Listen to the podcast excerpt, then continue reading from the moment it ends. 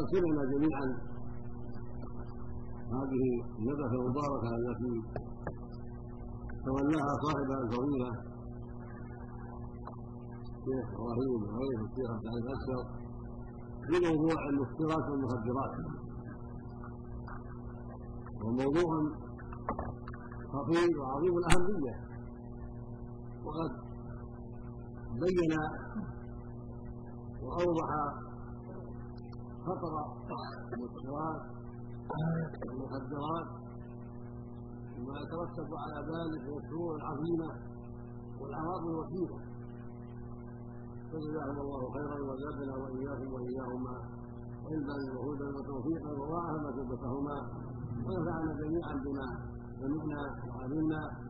وهدى وهدانا جميعا وهدى جميع المسلمين للحذر من كل ما يغضبه وللحذر أيضا من اسباب الهلاك وغيان العقول واسباب الفتن العاجله والعاجله لا ريب أن المسلمات والمخدرات خطرها عظيم وشرها كبير وعواقبها وخيمة. وإنما المهم الوقاية والعلاج الغايه والحرص على أسباب الوقوع ثم العلاج بما يقع في الطرق التي تكون إن شاء الله حاسبة لهذا الشر وواقية للأمة من بلائه وعواقبه إصابة وقبيله ولا ريب أن المقام يحتاج إلى تعاون إلى جهود كبيرة مشتركة.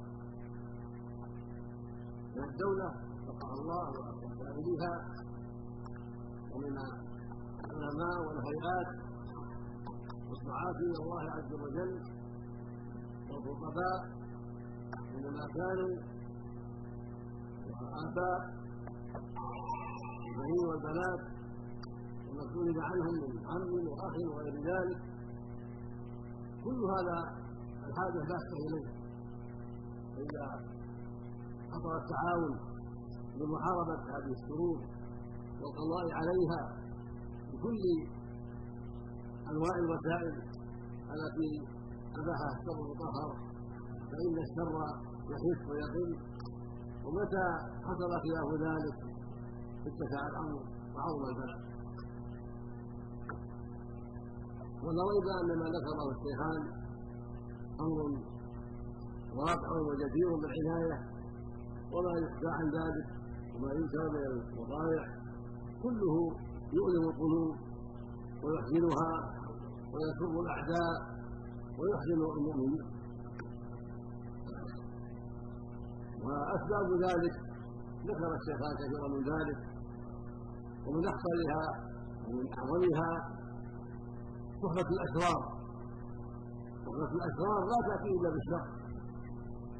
صحبة الأسرار في الداخل والخارج لا تأتي إلا بالشر فإن الجليس السيء يضر في كل الأمور نسأل الله العافية. وقد ذكره النبي صلى الله عليه وسلم لناس فيه إما أن تلقى ثيابك وإما أن تجد ريح خبيث وهكذا السفر إلى بلاد الخارج. والكفرة وإلى بلادهم. إن اجتمع هذا وهذا صحبة الأشرار والسفر إلى الخارج ترتب على ذلك الشر العظيم ما لا إلى الله عز وجل. وإذا فالدولة وفقها الله جل وعلا لها عناية كبيرة في محاربة هذا البلاء ووصف وسائل كثيرة له والعناية التفتيش عن التأثير والعقوبات الكثيرة ولكن الأمر يحتاج إلى أكثر من ذلك. أن الله أكرم ابن آدم بالعقل حتى يميز به بين الضار والنافع والخير والشر والصالح والصالح والمفيد وغيره.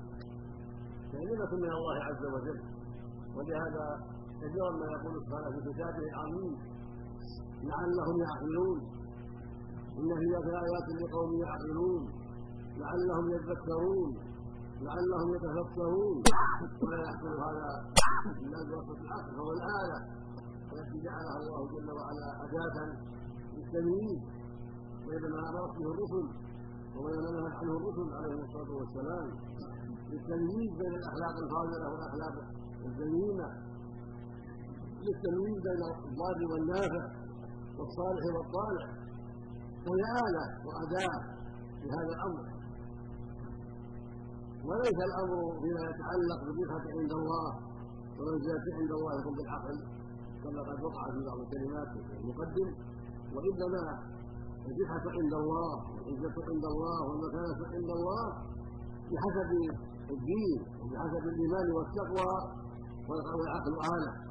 العقل آلة وإنما المنازل عند الله والرفعة عند الله رجال الكرامة على حسب ما وهب الله العبد من الأعمال الصالحة والتقوى والهدى. ولا ريب أن العقل آلة ولكن المنزلة عند الله والرفعة عند الله والكرامة عند الله إنما هي مرتبة على ما فعله من تقوى الله وطاعته سبحانه وتعالى.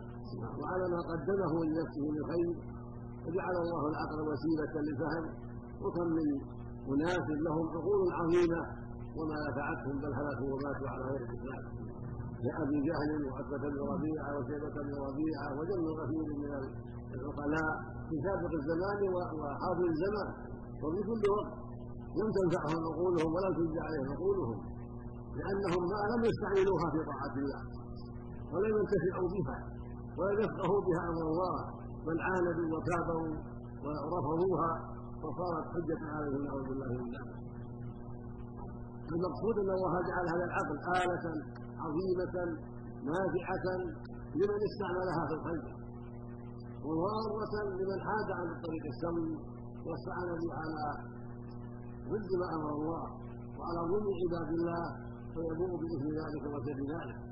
والحاصل أن هذه الخمور وهذه المسكرات وهذه المسكرات والمخدرات شرها عظيم. ولهذا حرم الله جل وعلا جميع هذه الخبائث. قال تعالى يسألونك ماذا أحل لهم؟ وأحل لكم الطيبات. والله لم يبح للعباد إلا الطيبات. فما كان مجانبا للطيب من مأكول أو مشروب أو غيرهما الله جل وعلا حرمه علينا. ولهذا قال في النبي عليه الصلاة والسلام ويحل لهم الطيبات ويحرم عليهم الخبائث. والخبائث ما كان شره محوا ما كان شرا محوا أو شرا غالبا فما كان شره غالب ما كان شره غالبا وما أو كان شره محوا فهو ممنوع من الخبائث. وإنما الطيبات ما كان خيرا محوا أو خيرا غالبا ولهذا بين سبحانه وتعالى أنه باع العباد الطيبات وحرم عليهم الخبائث والواجب عليهم أن يبحثوا عن ذلك وان يستقوا ما يوصلهم إلى الخبائث. ولا ريب أن العقل إذا فقد وقع صاحبه في الخبائث ولم يكن عنده ما يحجزه عن الخبائث. بل فرض صاحبه إذا كان بسبب السكر يكون شرا من المجنون المعتوق فالمعتوق قد لا يضر أحدا. قد لا يضر أحدا واما هذا الذي فقد فقد عقله السكر ويضر نفسه ويضر غيره. فالواجب على جميع الناس بعد المكلفين الواجب عليهم التعاون ضد هذا الخطر الداعي ضد هذا البلاء ولا يعذر أحد فيقول هذا يتعلق بالدولة أو يتعلق بالهيئة أو يتعلق بالشرطة أو يتعلق بكذا لا هو مسؤول عن بيته ومن تحت يده. حتى يعالج هذه الأمور وحتى ينتهي في الوقاية من الشر وفي علاج ما قد يقع بما أعطاه الله من قوة. لا مع ولده ولا مع خادمه ولا مع غير ذلك وعنده العنايه كامله يحذر من هذا البلاء والقضاء عليه يوم والرفع إلى ولاة الأمور بما يعجز بما يعجز عنه ولا يستطيع. وعلى ولاة الأمور وفقهم الله مضاعفة الجهود في محاربة هذا البلاء. بالضرب وبالسجن وبالغرامات وبالقتل وبغير ذلك. دول كثيرة لا كافرة دول كثيرة كافرة قررت القتل لهؤلاء. إذا لم ينتهوا بغير القتل قتلوهم وأعدموهم.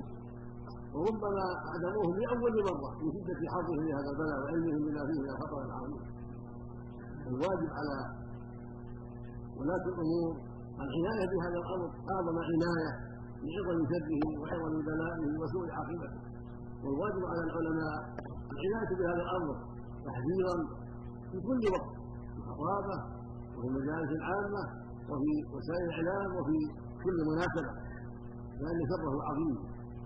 وهكذا الدخان الذي وقع بين الناس هو وسيلة إلى شر كثير مع تساهل الناس فيه. وقد قرر جمع من الأطباء أن مضاره لا تخفى نسأل الله العافية. له مضار كثيرة وان كان قد لا يغيب العقل ولكن يحصل به تخدير ويحصل به مضار كثيرة قال بعضهم وربما اسرع في بعض الأحيان فاذا أكثر منه بعد طول تركه ربما تغير عقله بسبب ذلك وربما سقط من ضعفاته من دابته ربما وقع في نار حوله بسبب ما قد قد يصيبه من جوحه بسبب تعاطيه الشيء منه ولكن أعظم من ذلك ما فيه من مضار كثيرة. وما يسببه من مضار لا تخفى من موت السكتة ومن ضرر السرطان ومن أنواع ذكروها كلها تنتج عن ذلك ومن أسباب ذلك نسأل الله العافية. فالمقصود أن جميع أنواع المسكرات جميع أنواع المخدرات من مسائل ومأكولات وحبوب كلها يجب أن تحارب بكل قوة وأن يعتنى بمحاربتها والحذر منها وأن يتفطن العاقل لهذا الأمر لا يحتاج إلى أن يضرب ولا يحتاج إلى أن يسلم.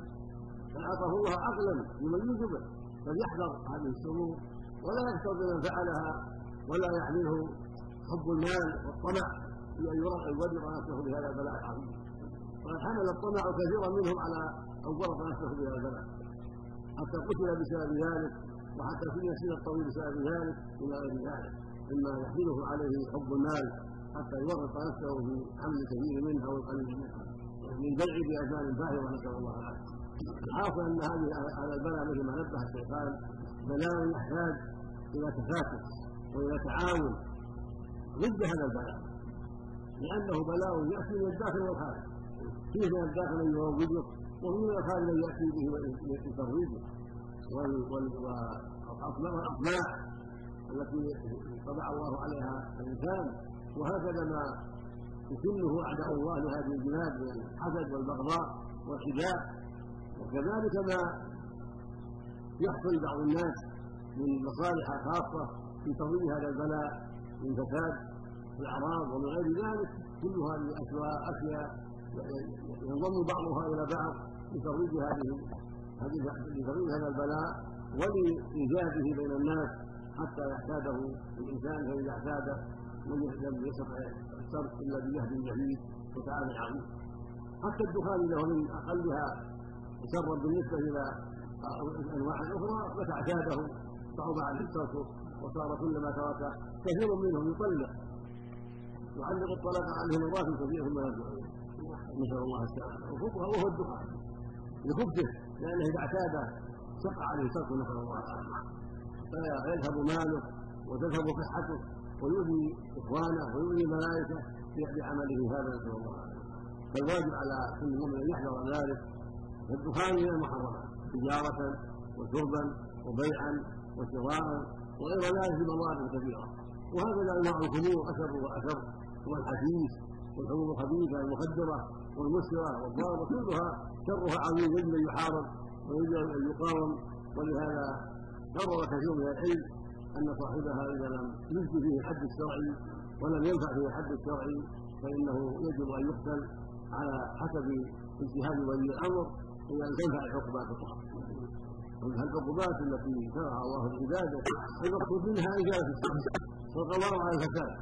واذا لم يجدوا الجد والسجن ونحو ذلك في بعض الناس ترتفع عقوبته إلى القتل نعوذ بالله لئلا يضر الناس ولئلا يتسبب في إسفاء هذا الشر ويفيه بين الناس نسأل الله العافية فنسأل الله أن يوفقنا وإياكم للعلم النافع والعمل الصالح وأن يوفق المسلمين جميعا لمحاربة ما حرم الله والقضاء على ما حرم الله والحذر مما حرم الله والتعاون على البر والتقوى وأن يوفق ولاة المسلمين لكل ما فيه صلاح العباد والجهاد وأن يعينه على كل خير وأن يصلح يصلح على المسلمين وأن يحمي الفقر الأعداء. وأن يمنحهم التوفيق والهداية حتى يدعوا ما يضرهم وحتى يلتزموا بما ينفعهم وفق الله جميع المسلمين وجزاء الخير عن فضيلتهما ونجوتهما خيرا وصلى الله وسلم على نبينا